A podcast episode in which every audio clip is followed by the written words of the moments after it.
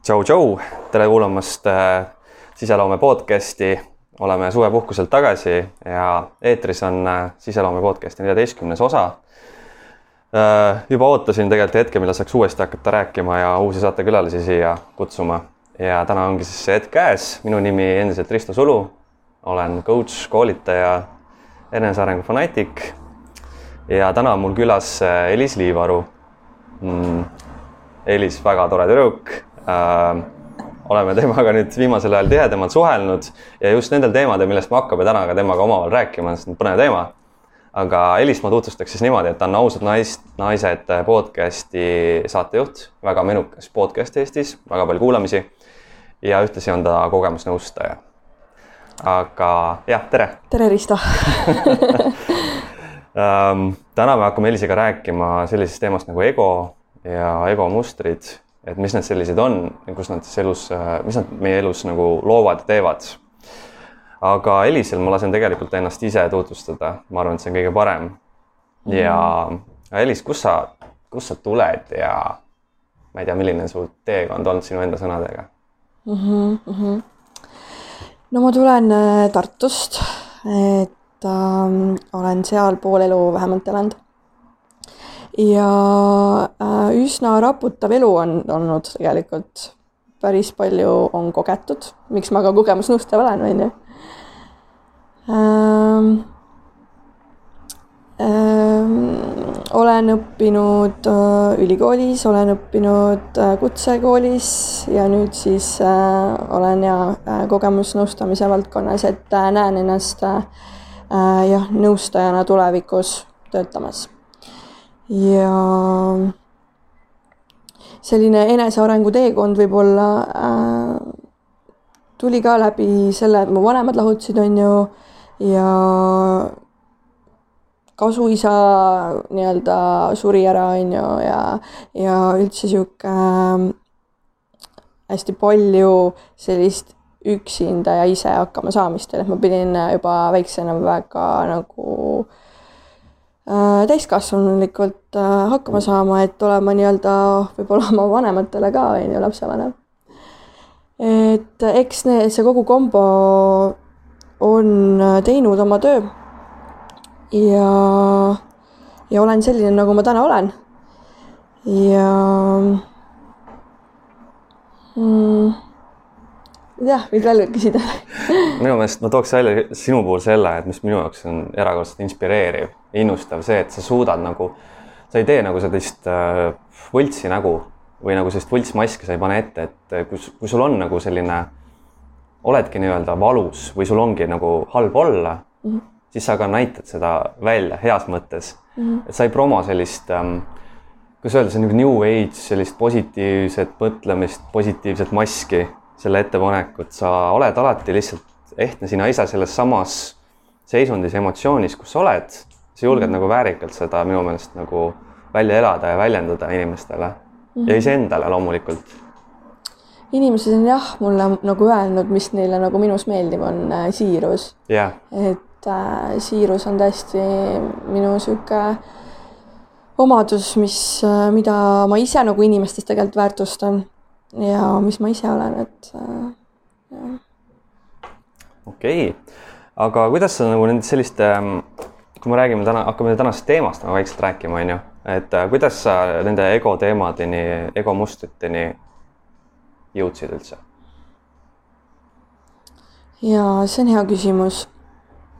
läbi raamatute ilmselt, et raamatud olid minu jaoks äh, hästi sellised, kus ma nagu kasvasin mis olidki minu nagu lapsevanemate eest, kus ma sain nagu head nagu sellist tuge ja infot ähm,. aga kus nagu süvitsi ma võib-olla läksin, oli Kaido Pajumaa blogi mm. -hmm. Äh, ja kui ma siin kaks viimast aastat olen äh, Ausaid mehi kuulanud, eks ole, siis äh, sealt nagu ka hästi palju räägiti nendest teemadel ja ma hakkasin rohkem nagu vaatama, uurima ja ja ma saingi aru, et et, et see on üks oluline, oluline punkt või oluline teema, mis meid nagu elus juhib. et äh, kui palju meid juhib siis elus äh, ego? või egomustrid?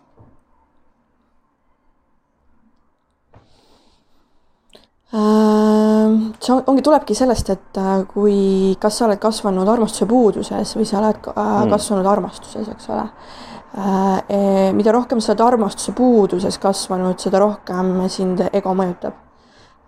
mida rohkem sa armastuses oled kasvanud, siis ego on eluterve nagu, et ta ei tule nii palju pinnale mm tuleb palju-palju vähem ja sa oled äh, palju rohkem kaastundlikum, empaatilisem äh, kui äh, armastuse puuduses olev nii-öelda keskkond. ja, ja, ja nii et on olemas siis põhimõtteliselt sihuke eluterve ego, isiksus ja on olemas haavunud või selline armastuse puuduses kasvanud ebaküps ego, siis võib öelda selle kohta, eks? ja et kuskil on äh, mingi vajadus äh, jäänud äh, nii-öelda rahuldamata või äh, pole saanud nagu seda, mida on vajanud tollel hetkel. ehk siis no mina näen seda, et ego tegelikult kasvab meil välja seal esimesel kaheksandal eluaastal, eks ole. et see on meie algallikas seal mm. -hmm ja kui seda tullakse nii-öelda rüvetama ja vägistama mingil moel, siis äh, ta hakkab äh, käituma selliselt äh, ja saama selliseid elukogemusi, mida sa tegelikult oma ellu ei taha kuidas see rüvetamine, vägistamine välja näeb võib selliseid sõnu kasutada? ma no, kasutasin ja praegu selliseid see sõnu. tegelikult see, see mõnes mõttes šokeerib inimesi yeah. ja see toob nad hetkesse tagasi. jah see on ülihea. mulle tegelikult äh, meeldivad need sõnad, sest äh, kui on ikkagi olnud emotsionaalne vägivald, see tähendabki seda, et su vajadusi pole tähele pandud, sind on surutud kuhugi äh, kasti, sa pead seal olema, su hing on vangis sa ei saa sealt välja äh,, sa nagu, sa oled ju vanemate mõju all, eks ole mm. -hmm. ja sa nagu oled lihtsalt äh,, tunned ennast vägistatuna nagu. sellepärast ma kasutasingi sellist sõna. mõnes mõttes see nagu, ma üritan kuidagi ka seda nagu enda sõnadega veel kirjeldada, et see on kuidagi nagu niisugune väljapääsmatu olukord tundub, et sa ei kuidagi tunned, et sa ei näe nagu lahendust, sa ei tunne seda lahendust. sihuke lootusetus on see hästi suur. lootusetus mm.. Mm -hmm. jah. et äh.... aga kus, võtame selle ego mõiste veel korraks ette võib-olla, et äh, kas sa peaks kuidagi mingisuguse sildi või nagu siukse termini, selle definitsiooni juurde panema, siis kuidas sina nagu ütleks, mis, mis asi on ego üldse? mis on ego? See on võltsisik meist.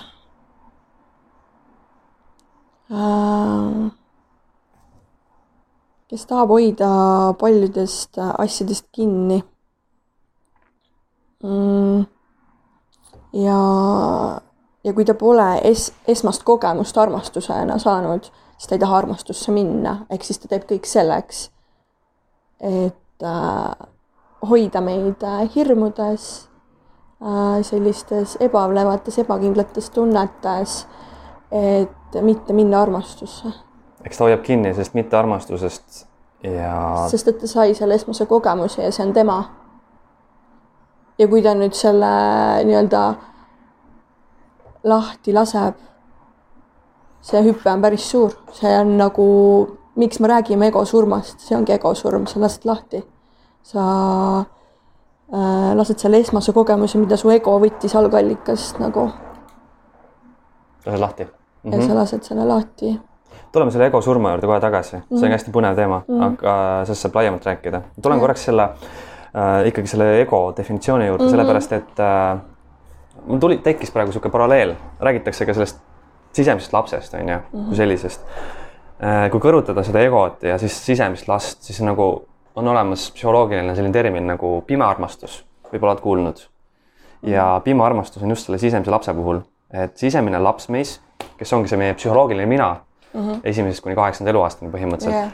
hoiab kinni mingisugustest vanast, vanadest ähm,, sa ütlesid ka, ego hoiab kinni, on ju. hoiab kinni mingisugustest vanadest hirmudest või sellest, mis on tema jaoks tuttav. isegi kui ta ei saanud oma vanematelt seda nii-öelda vajadust, turvalisust, armastust, mida iganes mm. -hmm. Aga ta hoiab sellest endiselt kinni ja pime armastus, ehk siis ta otsib tegelikult sarnast kogemust täiskasvanu eas, mida ta Ja, koges et- lapseeas. just, ta hakkab seda kordama, seda mustrit, et seda samu emotsioone, mida ta koges hästi noorena juba, siis ta tunnebki, et see on tema, ta ei saa sellest nagu enam lahti lasta ja ta peab seda nüüd kogu aeg kogema, eks ole. ehk siis selles mõttes võime öelda, et nagu see sisemine laps on ka mõnes mõttes nagu selline see ebaterve ego või? Või siis võib ka terve ego öelda? või kuidas sa arvad? Ähm, jah, ma arvan küll, et äh, selles mõttes eba, ebaküps ikkagi võib öelda selle kohta, et mingi kuskil on jäänud areng nagu vajaka. et äh, või jäänud nagu pidama, onju. Selle kohta võib-olla see psühholoogiline vanus on- või emotsionaalne vanus inimeste kohta öeldakse, et noh, olgugi, et sa oled passi järgi mingi üle kahekümne, üle kolmekümne, üle neljakümne, viiekümne, aga mingis, mingis kohas su eluvaldkonnas sinu emotsionaalne vanus võib olla mingi neli-viis eluaastat siis või? jah. no mul oli reaalselt äh, kaheksa, kui ma käisin ühes teraapias. aa, et see tuligi välja. ole, kas sa saad äkki pikemalt sellest rääkida, see on hästi huvitav, kuidas nagu inimesed saavad aru, et nad on mingis äh, eluvaldkonnas justkui kinni jäänud? Saad sa mingi kogemuse välja tuua, kas teiste inimeste või su enda oma? et kuidas see nagu sul tekib väga tugev reaktsioon selle teema suhtes, väga niimoodi, et sa terve oma keharakudega tunned ja sa võid isegi nagu täiesti tühisest asjast nagu nutma hakata, eks ole. okei okay., et äh, ja sealt võib-olla tulebki see valukeha esile, onju. et äh, mida siis ego ka põhjustab tegelikult. et ego põhjustab valukeha, et sul esiletulekut. esiletulekut. Mm -hmm. just. Või noh, et, et sa kogeksid seda uuesti ja uuesti, onju. ja siis su ellu tulevadki igasugused siuksed situatsioonid, mis äh, tekitavad seda emotsiooni ja reageeringut äh, veel ed- uuesti, onju. et äh, mul lihtsalt terapeut näiteks ütles, et äh, lihtsalt see ressurss, mida ma ema-isa poolt sain, oli nii minimaalne mm, -hmm. et äh, hea, et ma üldse elus olen. ütles mulle, et ma olen väga tubli. Saad ellujääja. jah, see sisemine meestel kangelane, naistel kangelanna. tuleb nii välja, jah. aga mis võiks, kas võikski öelda, et selle ego vastand on justkui sihuke, võikski öelda sihuke sisemine kangelane siis või kangelanna või kuidas, kui me räägime nagu arhetüüpide teemast ka onju, ilmselt sa oled natuke tuttav selle teemaga mm. -hmm. mis võiks olla selle ego, ego sihuke justkui vastand siis?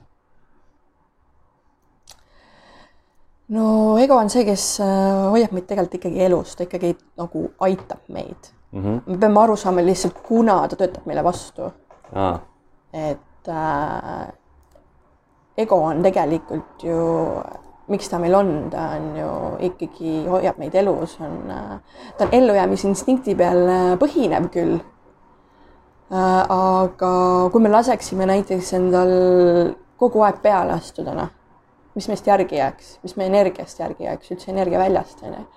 et äh, selles mõttes on ta siis kasulik, et ta ja nagu hoiab ka justkui halva eemal, siis võimaldab enda eest seista ja jah, ma ikkagi leian seda, et ego täieliku, täieliku ärakaotamine pole päris ähm, mõistlik. halleluuja. olen sinuga sada protsenti nõus. et äh, mingil määral ta peab olema, aga sa pead lihtsalt nagu mõistma, kus on tema vajakajäämised või kuhu ta sind äh, äh, sihib, et kui sa juba näed, et mingisugune väljaspoolt tulev äh, situatsioon või kellegi ütlemine tekitab sinus nagu seda, et sa saad teda kohe rünnata ja sa on nagu ja sa teed teda kohe, paned mingi sildi külge, et ta on nõme ja ta on nagu täiesti vastik inimene, siis äh,, siis tuleb korraks nagu tuure maha võtta ja mõelda, et oota, kust see tuleb nüüd, et kas see on ikka nagu päris sellest tingitud, mis äh, praegu siin toimub või on see mingisugune minevikust pärit äh, mingi käitumismuster, mida tuleks nagu süvitsi vaadata. üldjuhul, kui ma enda puhul nagu tähele panen, siis on alati nagu alati minevikust pärit selline mingisugune mm. -hmm. ülikiire instinkt jah, ja sa ei saagi võib-olla kohe samal hetkel sellest aru, kui see impulss tekib sinus Jah. sest see on nagu, see jääb sellest mõtte, teadliku mõtteulatusest väljast, ta on kuidagi emotsionaalne ja seal on justkui mingi kuum päästik, mis nagu on- millisekundiga läheb tööle. just, just, just ja see ongi tegelikult see ellujäämisinstinkt, sest et see oli mingil hetkel lapsepõlves meile võib-olla äh, vajalik käitumine.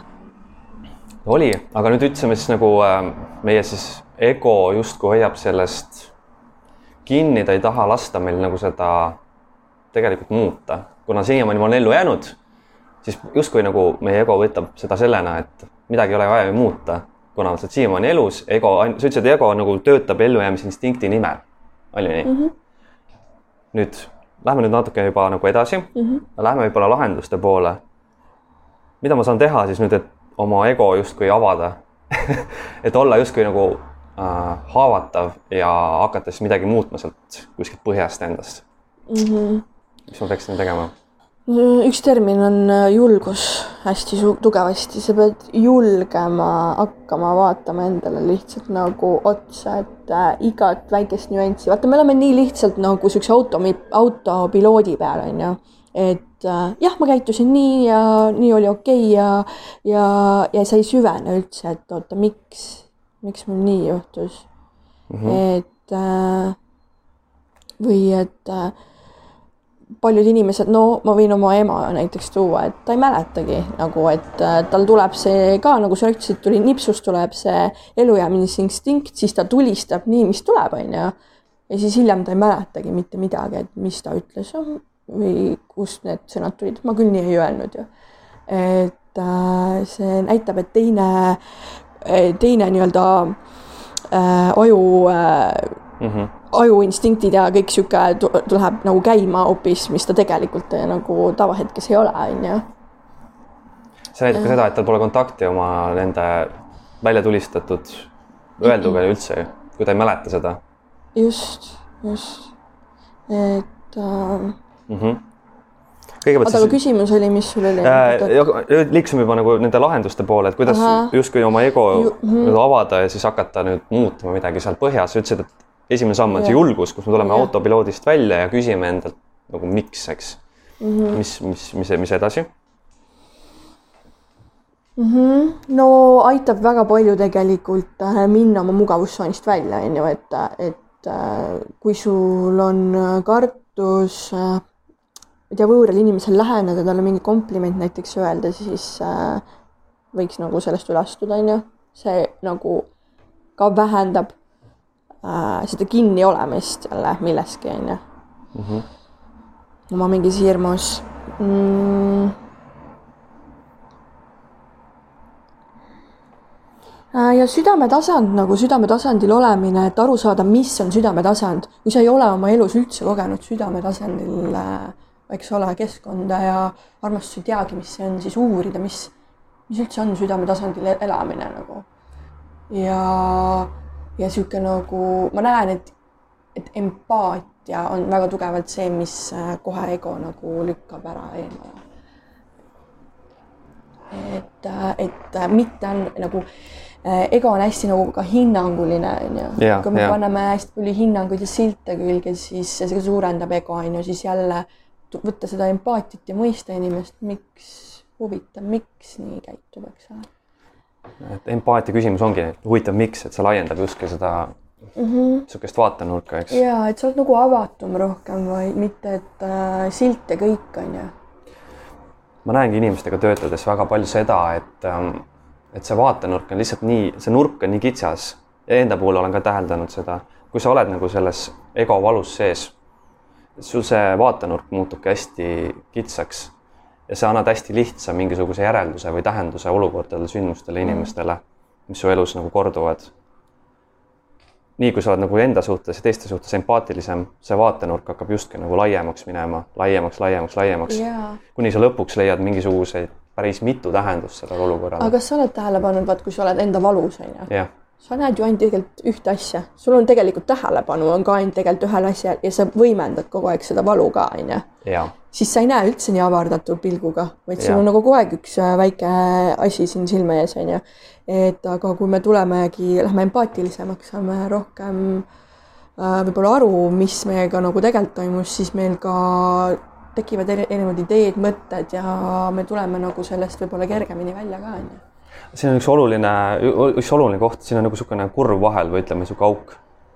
väga paljud inimesed äh, ei suuda seda sammu astuda, et tulla sellest kitsast vaatenurgast välja empaatiasse, sellesse laia vaatenurka mm -hmm. ja mhm. uutesse tähendustesse. sest lihtne on olla, äh, lihtne on olla ja sildistada, on ju. ja nagu lihtne on olla isekas. lihtne on olla isekas lihtne, see on, selle jaoks ei pea nagu vaeva nägema. jah, on ju nii?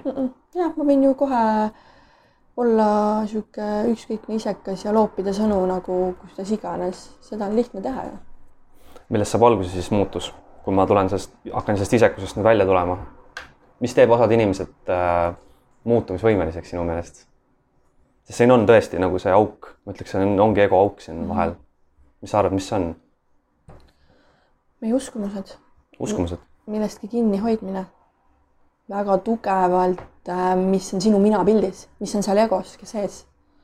et äh, mm. -hmm. no ma ei tea, Anki, sul on mingi näide, mis sinu ego, mida sa kinni oled hoidnud enda elus uh,? just viimasel ajal just olen selle just tegelenud, ma räägin sellest, mis mu enda köögipoolel on olnud mm, -hmm. et uh, praktiliselt võib-olla võiks öelda isegi terve elu olen kinni hoidnud meeletust vihast, pettumusest, äh, nördimusest ja ängistusest mm -hmm. naiste vastu. see on alguse saanud just lapsepõlve kodus. ja sa seda tundsid kodus seinte vahel? ma tundsin ja kuigi ma olen sellega tegelenud, selle teemaga väga põhjalikult ja pikalt, alates sellest, kus ma olen enesearenguga hakanud tegelema, milleks on juba mingi seitse, kuus-seitse aastat on ju mm, -hmm. siis äh, alles kas eile või üleeile ma suutsin täielikult seda väljendada, aktsepteerida, selle välja öelda mm. ja ta ei rikkunud kuidagi minu minapilt, minu minapilti minust endast, et ma olen justkui enda jaoks edasi aus, siiras ja hea inimene mm, -hmm. helge inimene. aga seda, et ma väljendan nüüd, et tõesti mul, minu sees on meeletu viha kogu naissoo vastu, onju jaa. Äh.. minul näiteks oli ohvri roll, äh, ma sain läbi ohvri rolli kogu aeg kodus armastust, eks ole, ja ohvri roll oli see, millest ma hästi paljuski nagu kinni hoidsin. Ja nüüd ma nagu tänasel päeval ma saan aru, kui ma sinna nagu langen ja et sealt saab nagu kiiresti nagu välja tulla. Äh, aga, aga selline nagu igatsus ja ohvri roll on nagu need olnud, mis äh, on mind näiteks võib-olla arengus siis Äh, et nagu kinni hoidnud, on ju, et äh, oled sa kuulnud äh, sellist? aga ma tahtsin veel öelda seda, et äh, hästi tähtis selle puhul on ka see, et, et sa hoiad, kui sa tunnistad endale midagi, kui sa tunnistasid endale, on ju, siis et sul oleks nagu hea tunne või noh, see on nagu sa rääkisid äh,, aktsepteerimine, mitte et sa ei hakka nagu kuri lapsevanem ennast maha tegema seetõttu yeah et meil kipume tihtipeale, kui me iseendale midagi tunnistame äh,, hästi paljuski kohe nagu kaikad kodarastesse ja sa oled ebaõnnestunud inimene, vaata kohe. siis, kui sa nagu tun-, äh, tunnistad endale midagi. ego ei taha tegelikult seda tunnistamist ka tegelikult, ta kardab seda yeah.. ja, ja, ja, kui sa küsid, et, et mis aitab äh,, siis nagu egost nagu äh, ego vähendada või sellest nagu mitte olla nii egotsentriline, siis see aitabki, et sa tunnistad ja aktsepteerid seda ja võtad seda ka kui empaatilise armastusega ja oled endale see empaatiline lapsevanem ka nii-öelda. see oli väga hea punkt praegu, mis sa välja tõid, et sa oled enda jaoks empaatiline lapsevanem. see, kes sul endal võib-olla olemata jäi, kes sa saad nüüd iseenda jaoks olla ja sellest me oleme ka omavahel kogu aeg rääkinud ja et äh, see on tervendav ja et kui me nagu suhtlema hakkasime, siis äh, tegelikult sa ju äh, kirjutasid tänu mu ühe blogipostitusele mulle, vaata, mäletad? mäletan. et äh, seal ma avaldasin väga noh, pikalt ja laialt tegelikult äh, ju enda elukogemust ja sa tundsid ju sarnasust, on ju, ja siis sealt kuidagi alustasime suhtlust, mis oli nagu põnev, me hakkasime nagu kohe nagu väga klikkis nagu ja see kontakt oli, mis ma mäletan, see oli spontaanne ja siiras, et, et kui head kuulajad, mõelge ka selle peale, millal te viimati elus tegite midagi sellist, mille peale te üle ei mõelnud, ei hakanud analüüsima enne, kui te mingi sammu astusite. Et ma tegin seda täiesti nagu puhtast siirast kohast, on ju, uudishimust tegelikult, puhtast uudishimust ja lisaks sellele ma tahtsin nagu sulle tunnustust äh, avaldada selle üle, mis sa, mis sa nagu tegid. Mm. -hmm. et see suudab nagu inimesi inspireerida, inspireerida ja kaasata Mm -hmm. see oligi mu ainuke kontakti mõte. ma ei mõelnud ette, et me hakkame pikemalt omavahel suhtlema ma ei mõelnud seda ette, aga see tuli lihtsalt iseenesest, see on ja. nagu puhas boonus. ja et me oleme nagu, ma näen, meil elus nagu väga sarnaseid äh, asju nagu äh, läbi kogetud. ja kusjuures ma ise ka praegu nagu tunnetan ja tajun seda, me läheme korraks nagu selle ego teemast korraks ja, ja. suhete teemasse sisse, siis äh, et kui te käite ka nagu tutvut- või tahate nagu, otsite kaaslast endale põhimõtteliselt on ju, et äh, ma ise nüüd tajun seda, et põhimõtteliselt lähenegi ilma nagu sellise. ei pea olema mingisugune kindel nagu mingi mm, taotlus või eesmärk, olge lihtsalt nagu uudishimulik, avatud ja avatud õppige inimesi tundma lihtsalt, avatud südamega, lähenege ilma agendata, kuidas eesti keeles võiks selle kohta öelda, noh, ilma siukse. ilma nagu sellise äh, kindla eesmärgi, vot see, vot yeah, see ongi jälle see nagu kinnihoidmine yeah,. Yeah. et äh, mina väga pikalt äh,, ma loodan, et see vaikselt hakkab nüüd ära kaduma. ma ei, ma ei ole veel nagu, ma ei saa seda täiesti väita, on ju veel mm. -hmm. aga no minul on see kinnihoidmine küll olnud nagu väga suuresti, et, et nagu no, mul peab kindlasti olema nagu äh, suhe, on ju. täpselt, jah. et mul peab see olema, on ju, ja siis nagu niisugune surve ja siis ongi see, et et, et ma jätan kõik need teised, kes tahavad võib-olla niisama chill'i, võib-olla niisama nagu tutvuda. ei.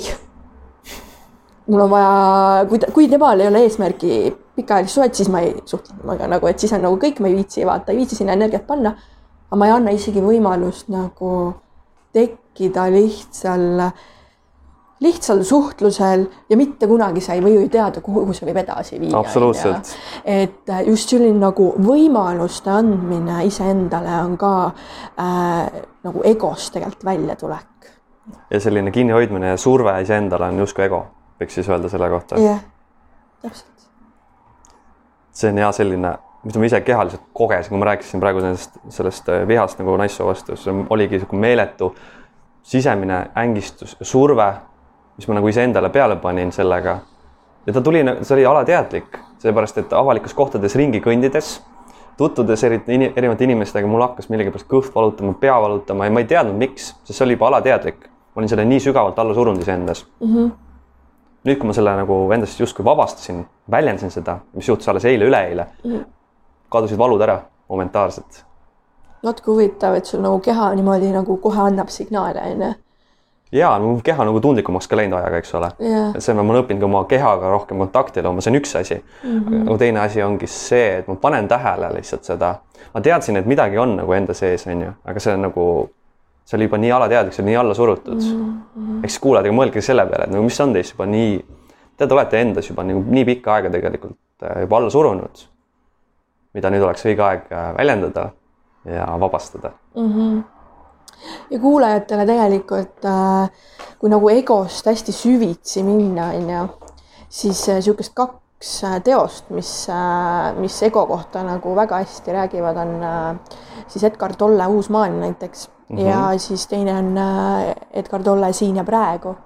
et uh, Uus maailm on mul veel läbi lugemata, aga aga saab väga palju infot juba siin ja praegust ka, et, et need on siuksed, ähm, mis ähm, kindlasti väga enesearengule äh, annavad juurde.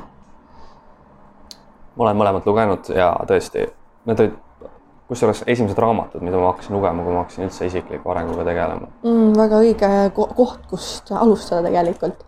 mina alustasin võib-olla valest otsast, et mm.. et mina võib-olla läksin äh, liiga vaimsete peale kohe või siis äh, suhete peale, äh, suhete mingite raamatute peale, mis tootsid mulle seda valu ja igatsust juurde kogu aeg. et siis ma kogu aeg tundsin sedasama tunnet, mida ma tundsin ka lapsepõlves, on ju. kusjuures ma tooks praegu välja niisuguse termini nagu spiritual bypassing, võib-olla oled kuulnud, see on ingliskeelne väljend. see tähendab mm. vaimne ülehüppamine ehk siis tegelikult ähm, kui teil on enda sees nagu nii palju seda ego valu juba onju mm, -hmm. aga võib-olla te ise ei mõista veel, et see on tegelikult egost tingitud mm. Mm, aga te mõtlete, seda on hea lahendada tegelikult nüüd vaimsete teemadega, läheks nüüd kuskile retriidile, läheks, ma ei tea, mis need kõik on loodud siin, kogu see new, new age värk ühesõnaga mm. -hmm. ja saad seal, tõused seal kõrgustesse, taevastesse kõrgustesse ära. ja siis tuled sealt laagrist tagasi. päeva-kahe pärast saad aru, et midagi pole elus endiselt muutunud. mis te arvate, miks niimoodi on? mina tean nüüd vastust ma arutangi sinuga kõva häälega mm -hmm. seda, et äh, vastus on see, et te ei ole nagu vundamenti muutnud. ehk siis tegelikult, kui teie, te ise olete maja, eks justkui onju, lähete katusesse ära kuskile, lähete, tõusete taevasse ära, siis maandute tagasi kuskile kodu äh, põrandale, saate aru, et nagu põrand on ikka samasugune. ja ma olen täiesti nõus sinuga, et see on lihtne tee, kuhu minna. et see on lihtne tee, kuhu oma äh, mittemuutmine äh, panna, et ma lähen tegelen nüüd äh, egoga, ma lähen nüüd mediteerin laagris kuskil või lähen kuhugi, et et see toob mulle siis selle, mida ma nagu vajan, aga tegelikult mm -hmm. tuled tagasi, siis äh, on su elu, su väline keskkond ju peegeldab, on ju. ikka sama, on ju, siis see tähendab, et sinu sees ei ole ikka muutusi toimunud mm. -hmm. ja muidugi see tekitab võib-olla omakorda pettumust, siis sa tunned jälle, pall läheb veerema, on ju. uuesti. jah. veel suuremalt tegelikult ja... isegi ja kui sa oled nagu kuulnud, siis eh, noh, spirituaalne ego, see ongi võib-olla suht sarnane, noh, et ongi, et äh, inimesed on mingi kuvandi võtnud, et äh, kui mul nagu, kui ma nagu äh, kannan mingeid äh, suuri lohvakaid riideid, mul on mingid äh, needid, mul on mingid äh, tatokad, mul on mingi äh, värvilised mingid riided, et siis ma olen hullult nagu vaimne, vaata et minu meelest see tõesti, äh, see vaimsuse sõna ja see vaimne teema on hästi ära leierdatud ja pandud kuhugile nagu ma ei tea, et, et teatud inimesed vaata jõuavad sinna vaimsusesse või midagi, et aga tegelikult inimene ise ongi vaimne.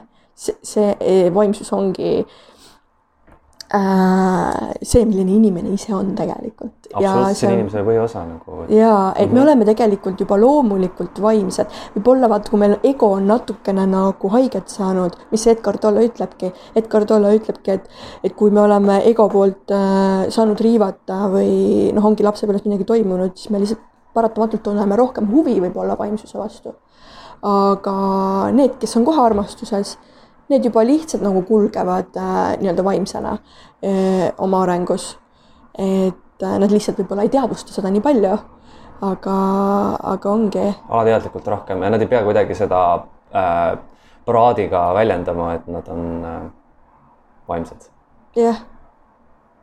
et mulle, mulle tundus, et mingi hetk mul oli selline äh,, selline spirituaalne ego, kus ma äh, tundsin, et kui ma nagu loen selle, selle raamatu ära ja siis äh, ma käin kuskil, siis ma olen nagu teistest kuidagi parem või teistest kuhugi jõudnud või ma olen rohkem vaimsem või mm -hmm. mul äh, vahepeal äh, tekkisid need mm -hmm. ja siis ma sain aru nagu, et äh, oota, miks nagu, miks ma seda tahan või, või kust see nüüd tuleb siis, et äh, see tuli jälle nagu valupinnalt, on ju. absoluutselt. ma olen ka seal vahepeal ära käinud ja seal noh, seal sellises kogukonnas või seltskonnas olnud, et äh, kus justkui mm, seda ei väljendata võib-olla kohe päris otse, aga mis seal taga see toon on või see foon on see, et me oleme justkui ülejäänutest paremad. me oleme välja valitud, saad aru? ja, ja selline asi mulle ei meeldi mm, -hmm. sest ta käib mu väärtushinnangutele ja moraalile vastu mm -hmm. täiega. sest me kõik oleme tegelikult väärtuslikud ja välja valitud absoluutselt, ma näen ennast kuskil vahepeal olevana, sest et ma ei ole ma ei ole seal spirituaalses seltskonnas sees ja ma ei ole ka ülimaterjalist. seega ma olen kuskil vahepeal hõljumas lihtsalt äh,. ja ma arvan, et see ongi inimese tõeline olemus, et me ei pea ennast sildistama, et me oleme vaimne või me oleme materiaalne, me oleme tegelikult mõlemad yeah.. küsimus, kas sa ise tunnistad, et sul on olemas mõlemad osad iseendas? kas, äh, kui sa oled käinud nendel spirituaalsete kogukondade mingitel üritustel, äh, oled täheldanud, et äh, tegelikult nad ei ole seal armastuse tasandil päris? Ja seal on päris palju sellist egoarmastust, see miks ma ütlen selle egoarmastusele, et nagu ikkagi nad vajavad, otsivad sellist välist äh, kinnitust. ma olen läinud ise ka päris paljudesse kohtadesse, mis läheb ka tänase teemaga hästi kokku yeah.. et äh, mitte ma ei lähe kuskile üritusele selle ürituse enda pärast ja armastust sealt tegevuse vastu, mis ma seal otsin, vaid ma lähen justkui jällegi midagi saama, saama ja otsima väljastpoolt iseendast. See on Mhm. ka tegelikult selline, et see on ego tasand, see on ikkagi mingisugune Jaa. vajadus taga, mingi rahuldamata vajadus, haav. just mina, kui ma käisin ka, siis ma nägin päris palju seda, et tegelikult need inimesed otsivad ikkagi midagi sellist, mis neil on vajaka jäänud. ja siis ma tundsin, et appi, ma olen sealsamas ju, ma olen seal nende samade inimestega, järelikult mina ka otsin ja tegelikult kui ma vaatasin endasse, siis jah, minus oligi jälle see igatsus vaata millegi vastu, onju ja, ja siis ma nagu seal olin, onju. et äh, siis ma nagu mõistsingi, et tegelikult need äh, üritused üritusteks, koolitused koolitusteks, ega ma pean äh, ise nagu ikkagi äh, tööd tegema ja hakkama nagu üksipulgi kõik läbi töötama, oma nagu valdkonnad onju. me jõuamegi ühe hästi olulise punktini, et mille ma välja tooks, ongi see nagu vastuste otsimine, on ju. Et minu meelest sõltub su enda nagu sellest kasvatusest, vanematest, kui palju nad on süstnud sinusse seda enesekindlust äh, ja sellist ähm, kõigutamatut soovi ja tahet vastuseid justkui iseendast otsida. eks kui sul tegelikult on nagu võimaldatud äh, olla sina ise, valuses üks kuni kaheksa eluaastat, millest me rääkisime, sa tegelikult juba alateadlikult leiad neid vastuseid iseendast. sa ei otsi neid justkui seda tõde endast väljas, mis teebki sinu hästi, sind ennast nagu hästi enesekindlaks. sellepärast, et sa juba tead, mis on sinu enda jaoks õige. sa ei eksi nii palju. no just, ei ole sellist jah. sihitut äh, sihitud äh, võitlemist ühele poole, teisele poole, sa oled nagu rohkem endal, endas kohal ja kindel, on ju, aga kui sul ei ole lastud ikkagi väljendada, sinu vajadusi pole võetud üldse kuuldagi, see nagu paratamatult su enesekindlusele nagu teeb väga suure põntsu ja sa arvadki, et see, sa oledki see mingi hetk sa arvad ju, et sa oledki läbi kukkunud, ebaõnnestunud ja ebakindel ja no siis ma muidugi ei arvanud, et ma ebakindel olen, siis ma lihtsalt tundsin niimoodi. siis ma lihtsalt tundsin, vaata tunnete tasand on, mida rohkem äh, ma siin elus äh, nii-öelda elanud olen, ma saan aru, et äh, kui tähtis on äh, tunnete tasandit äh, nagu aru saada, mis mu kehas hetkel toimub äh,. mis äh, mida ma nagu reaalselt nagu tahan, on ju, ja mm. -hmm. ja nagu saada see suurem kontakt selle tunnetega ja mis mul on aidanud seda teha. tollel hetkel mind tõesti aitaski sellisest äh, suurest depressioonist võib-olla välja äh,. Sest ma olingi vaikuses nagu, ma mediteerisin, ma ei vaadanud telekat, ma kuulasin nüüd rahulikku muusikat ma olin nagu, käisingi looduses üksi, jalutasin, tegin sporti, joogatasin, et, et see, ma tundsin, et mul hakkas nagu sihuke suur pinge nagu kehast nagu vaikselt väikse Mhm. etappidena nagu vabanema. mitte korraga. Äh, intensiivselt, vaid nagu vaikselt just mm. -hmm. ja, ja ma sain nagu natukene rohkem kontakti oma tunnete tasandiga, aga ma ütlen, et siiamaani, siiamaani on see, kuna see on niivõrd alla surutud mul olnud terve elu Mm -hmm. siis äh, siiamaani see, ma teen sellega tööd, et, et äh, on äh, plaanis siin äh, võtta üks äh, terve nagu noh, kõikide tsakrate hingamine läbi, on ju. Et hingamine on see, mis tegelikult äh, vabastab. ka meid äh, väga palju vabastab, aitab äh, tulla iseendasse, sest et noh, me ju sünnime, siis me hakkamegi kohe hingama. ja hingamine on meie elu üks suurimaid osasid. absoluutselt nõus. ma jagan ka enda viimase aja nagu kolme-nelja päeva sellist praktikat, mis mind on aidanud väga palju väljendada oma tundeid ja neid vabastada, emotsioone mm. -hmm. tundeid. Esiteks kümme-viisteist minutit selline sügav hingamine, vabastav mm Mhm. hingamine, siis viisteist minutit voolava vee all olemine, duši all näiteks või vannis. ja, siis teed veel peale viisteist minutit meditatsiooni mm. ülihea on teha kas enne tööpäeva või pärast tööpäeva mm. Mhm. ja see on nagu osa sellisest justkui enesearmastusest ja sellest endaga uuesti kontakti saamisest, millest me rääkisime. just ja kõik need väiksed asjad tegelikult äh, loovad, et kui nagu inimesed arvavad, et ah oh,, see on nii väike see ei aita nagu väga midagi. tehke nagu järjepidevalt, siis tegelikult saate aru, et Üks- aitab küll. absoluutselt ja nüüd vaata nüüd ka endast, vaata, vaata peeglisse mm, kahe silmaga endale otsa. kas sa suudad endale öelda, et ma armastan mind? ma proovisin alguses äh,, kunagi tegin, mäletan, tuli ülikergelt lõpuks välja. nüüd tegin uuesti mingi aja pärast. Ma saan aru tegelikult sellest, et ei olnud lihtne.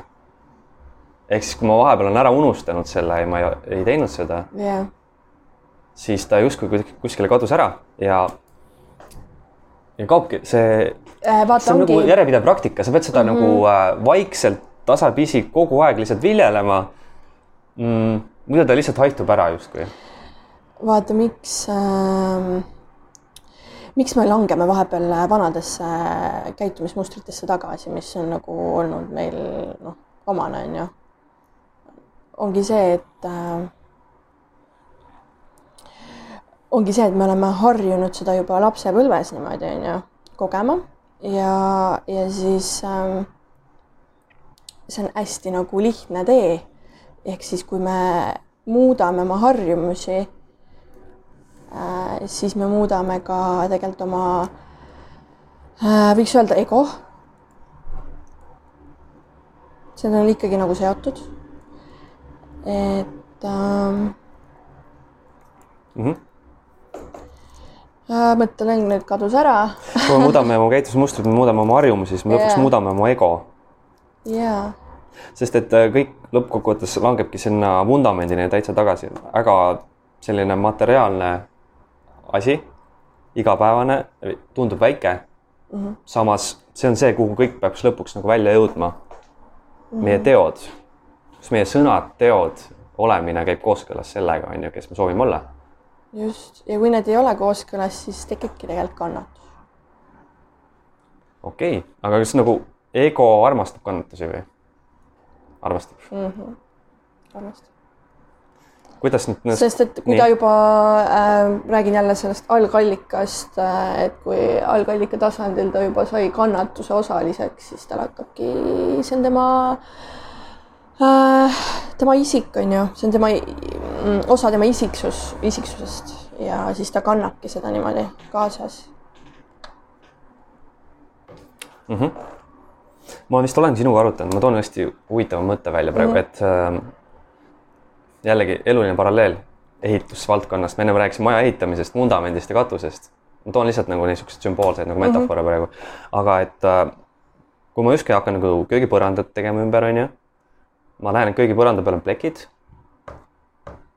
aga ma ei päris nagu ei höövelda neid välja sealt, ei lihvi välja, et selle asemel, et äh, seda nagu välja hööveldada või lihvida, ma katan selle uue lakikihiga. Ja alguses nagu ei paistagi väga, et seal mingit plekki all oleks. ja siis mingi aja pärast see lakikiht hakkab nagu ära haihtuma ja opa üllatust, uuesti need äh, plekid paistavad välja. mis ma mõtlen selle all? mina hakkasin isikliku arenguga tegelema, siis ma lõin justkui endale enda kangelasisiksuse kõrvale, kes saabki kõigega väga hästi hakkama, kes on üli, ülimalt positiivne, hästi meelestatud, loob edu, armastust, kõike ja see on elus. see, mida ühiskond survestas võib-olla sulle. ja seda kindlasti. aga teine asi on see, ega see vana osa minust, me rääkisime ego surmast enne mm, -hmm. ega see päriselt veel ära ei surnud, ta oli olemas siin kõrval. ja nüüd mingi hetke pärast, kui ma nagu ei vaadanud näkku sellele vanale osalise endas, ma olin, surusin ta veelgi sügavamale oma alateadvusesse, veelgi sügavamale, veelgi sügavamale. siis mingi hetke pärast ta ütles, mul on kopp ees, ma tahan ka välja tulla koopast.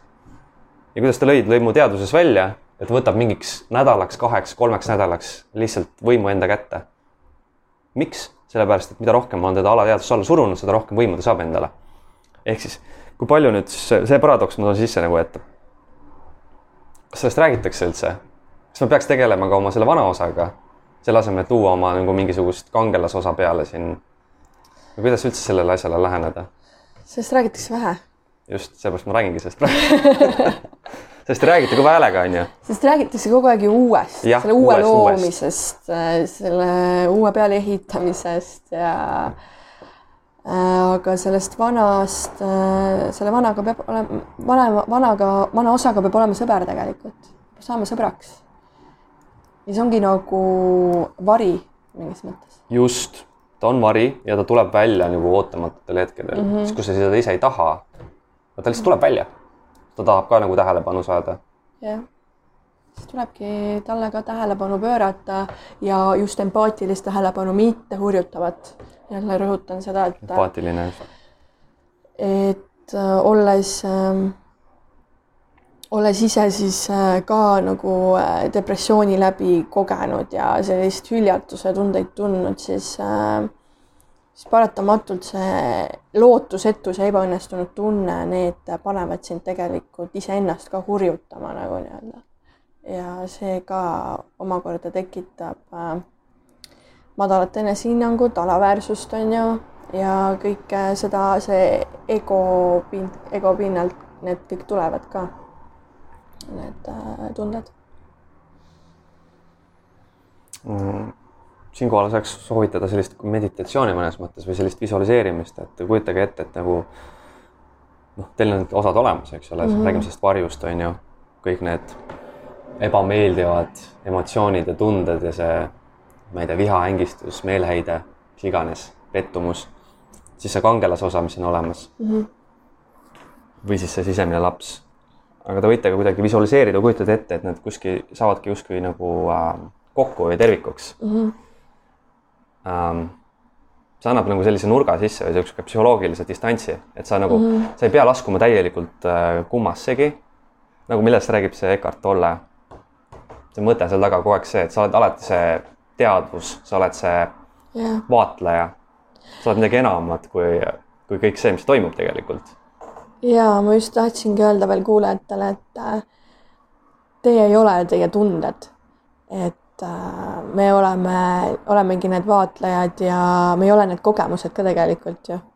et äh, me lihtsalt äh, teadvusena kogemegi neid kogemusi siinses kehastuses on ju. et ähm, ainult, ainuke, kes võtab nagu seda nii hinge isiklikult, ongi see ego, millest me täna nagu siin pikalt oleme rääkinud, et et tema hoiabki sellest, nendest elukogemustest äh, nii jõhkralt kinni. aga kui me nagu nendest äh, vabaks saame, siis me märkame, et, äh, et me ei ole need kogemused tegelikult, et need tegelikult ei määra mind. ja et mina olengi see üks kõigist nagu, et me kõik oleme ühendatud mm. -hmm. see justkui lood eneseväärtuse millestki enamast kui yeah. sinu kogemused, valu ja kannatus ainult mm. -hmm et äh, siin äh, inimestena meil peab olema väike ego, et äh,, et nagu ma ütlesin, et äh, täiesti egot ei saa. et mina täna olen siin kehastuses helis, on ju. Mhm. et äh.... on aeg ego surmaks ja kindlasti tuleb ette nüüd tulevikus äkki sul endal isiklikke kogemusi ei ole olnud veel ego surmaga või on? Kui räägime siuksest terminist egosurm mm, -hmm. selline mm. -hmm. Mm -hmm.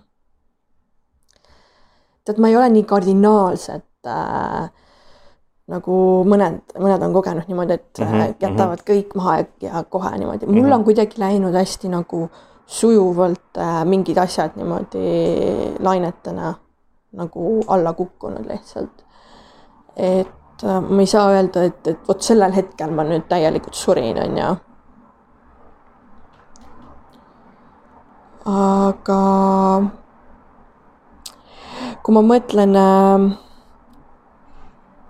suhtes vanematega, siis äh, võib olla see hetk, kui mul tekkis nagu täielik empaatia nende vastu, millised nad on, mingi aktsepteerimine äh, ja saada aru, miks nad on nii käitunud, siis see võib-olla pehmendas minu ego ka ja, ja ja see mingis mõttes võib öelda, et mingi osa minu egost nagu suri mm. -hmm. et ma ei võta enam nagu nii isiklikult seda mm -hmm. kõike mm. -hmm. ei ole mu ego võib-olla nii habras enam, nagu ta varem oli, et iga väike piiks, kust tuli, jälle rünnak on ju. et, äh, et kui meil nii noorena nagu tegelikult see ego nagu saab haavata, on ju, siis, äh, siis äh, tihtipeale ta on hästi pikalt hästi haavunud ja, ja iga väike asi, mis talle nagu elust tuleb, ta võtab seda rünnakuna kohe. et ja. mul on nagu seda kogemust päris palju olnud, et mul sõbrannad ka nagu öelnud, et Elis, miks sa arvad, et ma ründan sind? et äh, ma arvan, et mu oma sõbrannad ründavad mind, tegelikult mitte, onju. Mhm. aga see tulebki sealt, et mu oma vanemad tegelikult mind ründasid mingi või noh, sellel hetkel äh, ei, ei käitunud kõige võib-olla täiskasvanulikult. sa oled justkui valvel ja kaitses. alateadlikult kindlasti on mm -hmm. olnud Mhm. jah. et äh, on see, see nii-öelda ellujäämisinstinkt võib-olla jälle nagu löönud Mm -hmm. see võit, võitleja põgene või? et, et see jah, see ego pool, ego, ego poolt tulenev. võitlev põgene isegi hästi, et aga kui on tardumine, siis äh, öeldakse, et tardumine on justkui paigalseisev energia. võitlev põgene on vähemalt mingi liikumine, mingi Mhm. tegutsemine, tegutsev energia, liikumine. Mm -hmm. tardumine on see, et sul läheb täiesti kõik paika. sealt tuleb süütunne, häbi, kõik muud siuksed kõige madalamad emotsioonid tööle mm. -hmm. ja mis ma ise olen kogenud, minus on hästi palju seda tardumist just kui pikalt seda on olnud sul? lapsepõlvest saati ja mul noh, see ongi, mis sa nagu mingit perioodi ka tunnetanud, et äh, vot nüüd ma ei tea, pool aastat oli nii või? Tuleb periooditi välja nagu uuesti, see ei ole nagu jälle mm. mingi korraga vaata intensiivselt, aga noh, ta on nagu suhetes eriti välja löönud, see tardumine mm. -hmm. et minu arust nagu põhiküsimus on see, et mis näitab seda enda käitumist, on see, et mm, konfliktisituatsioonides, et kuidas, mis on sinu äh, väljumisstrateegia et kui on siis võita või põgene vähemalt, siis on nagu viha, eks ole, sa liigud kuhugi. See liigub lahenduse suunas tegelikult mm, -hmm. see on konflikti lahendamise esi, esimene etapp mm. -hmm. aga kui tardumine, siis see ei liigu sealt kuhugi edasigi. tardumises on vist hästi palju ka sellist äh, lootusetust ja pettumust. eks ta ikka on jah, et ta on niisugune koopasse pugemine justkui, et sa tahad, sa ei taha sellega tegeleda, nagu toonekurk pistab pea liiva alla või mm -hmm. öeldakse selle kohta, eks. vot põhimõtteliselt seda tähendabki ja mul on äh, ka olnud päris palju seda, et äh, mitte alistumist olukorrale, vaid pigem äh, just vastu punnimist ja mitte aktsepteerimist oma elukogemusele mm. -hmm. ja vot see on see väike laps, kes jonnib ja see on see ego tegelikult, kes ei taha muutuda. aga mis puudutab nagu seda ego surma, siis mul endal isiklik väga intensiivne kogemus olemas aastast kaks tuhat viisteist, kus mu äh, korraga justkui nagu see kogu vana isiksus peaaegu suri ära justkui, millest ma enne rääkisin mm. -hmm. Kadus töökoht, elukaaslane, füüsiline, füüsiline elukoht. kõik mu vana, justkui see, millest ma nagu kinni hoidsin enne, sain selle näilise turvatunde. kõik sellest mm, pidin korraga lahti laskma. ja see, see tundubki justkui nagu hinge, öeldakse selle kohta hinge pime öö tegelikult, ego surm mm. -hmm. sul ei ole enam nagu miskit, millest kinni hoida. Ja siis äh,, aga, aga tagatipuks on hästi naljakas. kuu-kahe vaates tuli nii suur elumuutus ja nii suur usaldus elu vastu. et see on mu parim, siiamaani vist ütleks parim eluetapp, mis mul on olnud mm.. ehk siis tegelikult, kui ta ei olnud käinud, ei ole käinud ka väga sügaval ära, siis ta ei tea tegelikult, kui kõrgele see võib välja viia. kui ma graafiliselt kujutaksin seda, kujutage praegu ette, sina kallis, et mm. äh, tekib see hüperbool ma lähen väga sügavale ära mm -hmm. kuskile allapoole, siis tegelikult, kui ma üles tulen, ma tulen veelgi kõrgemale tagasi ja nii iga kord uuesti ja uuesti mm. -hmm. Lähen veelgi sügavamale ära, ma tulen veelgi kõrgemale tagasi ja iga kord, kui ma seal sügavas augus olen, ma mõtlen, et nüüd on elu läbi, et nüüd ma ei see on täielik, tundub justkui surm. ja tulevad needsamad mõttemustrid, mis tulevadki siis, kui sul on äh, see võitleja-põgene režiim ja kui sul on needsamad, noh, ongi needsamad tunded, mida sa nagu jälle lapsepõlves on ju kogesid, et tulevad needsamad mõtted ja siis see ongi see, et sa ei näe mitte midagi muud. kui sa näed ainult seda, seda probleemi oma elus ja siis sa näedki oma elu nagu korraks mustana täiesti. mul on ka siin mitu korda olnud niimoodi, kus äh, mul tegelikult äh, jumala nagu tore elu olnud, on ju, väga lahedaid äh, elukogemusi ja siis tuleb üks asi, mis viib nagu niimoodi rivist välja, et sa näed, et ma ei tea, kas ma elada tahangi enam. jah, jah.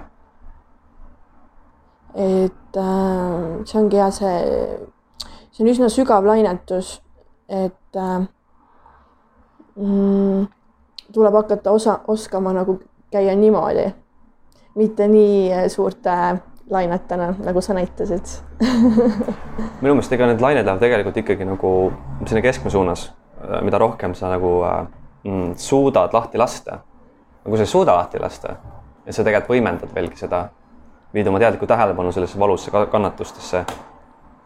mida ma olen õppinud, on see, et nagu kui tuleb see olukord kätte, on ju, jah, et tuleb lihtsalt osata välja kannatada või nagu lihtsalt olla. lihtsalt olla, aktsepteerida. aktsepteerida, mitte tähelepanu sellele pöörata ja luua just iseendaga seda psühholoogilist distantsi, et nagu vaadata Ennast ennast kõrvalt. empaatiliselt kõrvalt ja lapsevanemana. et tegelikult öeldakse ju, et emotsioon ise ju kestab ainult äh, midagi mitu sekundit, see oli. mõned äh, väga vägevad emotsioonid kestavad minuteid, No isiklikust kogemusest öelda. jah äh,, aga oma mõtetega me võime neid võimendada veel kakskümmend minutit rohkemgi. ja, ja sa võid terve päeva seda, jah, ma võin terve päeva, ma olen olnud viis tundi on küll kauem ka olnud. aga point on selles, et kui ta on nii alateadlikuks äh, juba muutunud, sul on alati tunnetega oma kontakti kaotanud. sa oled oma kehaga kontakti kaotanud. sa ei mõista seda emotsiooni. seda emotsioone mõistusega mõista on väga keeruline mm. -hmm. ja sul tekib lõhe mõtete ja emotsioonide vahel, tunnete vahel. Mm -hmm. see on väga keeruline koht, kus olla. ma olen siiamaani seal mõnes mõttes mm. -hmm. aga ma loon aina rohkem seda ühendust ja ühendust tunnete ja mõ- mõtete vahel nagu, eks ole. tulebki nagu igapäevaselt äh,, nagu me rääkisime, neid väikseid asju teha, olla iseenda jaoks kohal mm, -hmm. tunnetada, tajuda, olla tähelepanelik iseenda suhtes, ja empaatiline. empaatiline. sa rääkisid ka muidu ego majast, millal, millalgi sa mainisid mulle seda. katus ja vundament ja seinad. et jah, küsimus on kuulajatele ka, et millele olete teie oma selle, kas ebaterve või terve ego maja üles ehitanud, mis on need seinad, mis on see põrand, vundament ja mis on mm -hmm. see katus. ja no muidugi äh, Joonas Saks räägib päris äh, toredalt äh, ego erinevat äh, tüüpe äh, teeb lahti, tähendab, seletab lahti mm, -hmm. et äh, viisteist erinevat oli vist üldse neid tüpaaže või ja, ja veel nagu alakategooriad jäik ja et kui kellegi, kellegi, kedagi väga huvitab see teema, siis äh, Joonas Saks, jätame, jätame Jah. meelde. Ego on muidugi hästi kaval selles mõttes, et nagu nii kui ta hakkad avastama mingit asja, tegelikult ta nagu poeb peitu. ta üritab ennast ära kaotada, egol on omad kaitsemehhanismid, on ju. oled sa nendega kokku puutunud isiklikult? ikka olen ju. saad sa rääkida lähemalt mõnest, millega sul on kokkupuuteid? no nii, mõtleme siis, mis kogemust mul on olnud. No võib ikkagi võtta, võtta sellesama vana teema näiteks, et äh, mul on igatsus, on ju. mul on igatsus selle järgi, et äh, et suhelda näiteks vastaspool, vastassugupoolega, on ju äh, siis ma ikkagi käitun äh, lai- äh,, nii-öelda live, live olukorras mm. -hmm. käitun ikka niimoodi, et äh, ei tea, võib-olla naeratan korra, võib-olla pööran pilgulist ära, ei anna ise signaale, ei, ei anna nagu ise võimalustki endale. et äh,, et tegelikult see ongi see kaitsemehhanism, et, et äh, ma tegelikult tahan midagi, aga ma käitun hoopis vastupidiselt ja sealt on see kannatus tulema minu meelest see kannatus, nüüd ma sain pointi, põhipointile pihta. kannatus tekib võib-olla sellest, et see kisub sind kaheks. mm. -hmm. saad aru, et mingi osa sinust tahab seda jah, ja loodab ja ootab seda, jah, teine osa töötab sellele täielikult vastu. just eks see vastuvoolu ujumine, sealt tekibki kannatus. ja nõus. et mingisugused äh, uskumused ei taha lasta meil niimoodi käituda või et me ei tunne turvaliselt ennast sellisena. vaata, ego tahab meid väga turvaliselt hoida kogu aeg. ja kui see, vaata, kuna mul lapsepõlves ei olnud meesterahvastega väga nagu kokkupuudet, on ju, juba isa näol, siis minu jaoks tundub see olukord täiskasvanuna ka juba ebaturvaline ja Jah. ja, ja alateadlikult ma käitun juba niimoodi, et et ma ei annagi ise nagu signaali, vaid ma ootan, et teine tuleb. ja siis tegelikult ma annan vastutuse ka ära. ego loobki seda, et äh, mida sa tegelikult, mis ma ütlesin ka, et ego loob seda, mida sa tegelikult oma ellu ei taha, neid olukordi ja võtab sult selle väe ka veel mõnikord ära, onju. Mhm. ja annad vastutuse endast väljapoole alati mingisugustele mm. -hmm. tingimustele, olukordadele, inimestele mm. -hmm. -hmm. et tegelikult vaata, kui mul oleks äh, olnud selline tunne, et jah, ma olen armastust väärt. jah, see on normaalne, et meesterahvad pööravad mulle tähelepanu. siis võib-olla mul ei oleks nagu sellist käitumisviisi, vaata. aga kuna see tunne on nagu nii sügavalt algallikalt nagu sees raku tasandil, vaata, siis äh, läheb selleks äh, aega, aga see, sa pead samme ka tegema. et äh, ongi see, et kui sa tead, et see on sinu teema, siis tee väikseid samme, ma ei tea, teadlikult kuskil üritusel või jah see nagu loob. mm. -hmm. tagataustal ma ütleks veel üks hea asi, mida ma soovitan, Deals One on selline Ameerika õpetaja, võiks öelda tema kohta, coach, koolitaja, õpetaja mm -hmm. ja tema completion process, üks väga hea tehnika, mida kasutada, kuidas oma erinevaid mingeid ego isiksuse osasid tegelikult ise, iseendas integreerida ja lepitada justkui sest et see on üks osa sinust, mis tegelikult võitleb sulle endale vastu, on ju, kuskil alateadvuses mm, -hmm. sa saad nii ära surunud ta sinna alla mm. -hmm. Need tunded on alla surutud ja mõtted on alla surutud, eks tegelikult tuleb ta kuidagi pinnale tuua ja küsida temalt, et mis on tema vajadused, mida tema tahab, ta justkui sellega ära lepitada ja integreerida sinu enda täisolemusse. ehk siis nagu kaks asja, mille poole minu arust inimesed võiksid püüelda, on ehtsus ja ongi teine asi, terviklikkus kui meil nii palju osasid iseendas ripuvad kuskil foonil, taustal, ei saa kunagi terviklikuks, me ei saa, terviklikud olla. Need tuleb kuidagi iseendasse tagasi tuua, teadvustada, teadlikumaks saada. nõus, nõus ja e- e- teadlikkus ongi nagu põhiaspekt üldse egoga tegelemisel. jah, jah. et äh, muud moodi ei saagi. Eckart Tolle ise võrdleb seda, et ego on justkui pimedus ja selline pime valgus. ja teadlikkus ongi see valgusvihk mm. -hmm. Mida rohkem teadlikkust, seda valgem on ruum. sa näed, oh, siin on tool, siin on laud, siin on sein. oh, siin on kapp ka veel mm. -hmm. mida rohkem teadlikumad me oma pimedast poolest oleme, seda rohkem me oskamegi olla enda vastu ka empaatilised, seda aktsepteerida ja, ja siis me olemegi terviklikud. ja kusjuures äh, see on ka üks väga hea nugget lõppu minu meelest, et äh, sinu enda elu eesmärk väidetavalt, Teal Swani, tsiteerin teda, ehk siis sinu enda elu eesmärk on peidetud sinu enda varjudesse.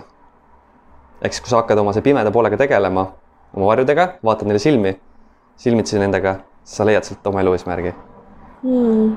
mitte, mitte sellest valgusest sa ei leia elu eesmärki, vaid just sellest iseenda pimedusest, seal on peidus see elu eesmärk. Mõttetera teile lõppu. väga ilus. väga ilus. kas äh,, hakkame vaikselt lõpetama ka, Elis, et äh, aeg on silma ajal, et äh, kas on midagi, millest me ei ole täna rääkinud, aga sa tahaksid rääkida? hmm.. kindlasti on, aga mul ei tule hetkel niimoodi peale, pähe onju.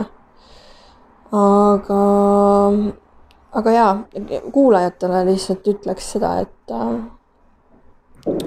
et olge rohkem äh, olge rohkem lihtsalt empaatilised nii iseenda kui teiste vastu ja siis hakkab ego ka vaikselt lahustuma.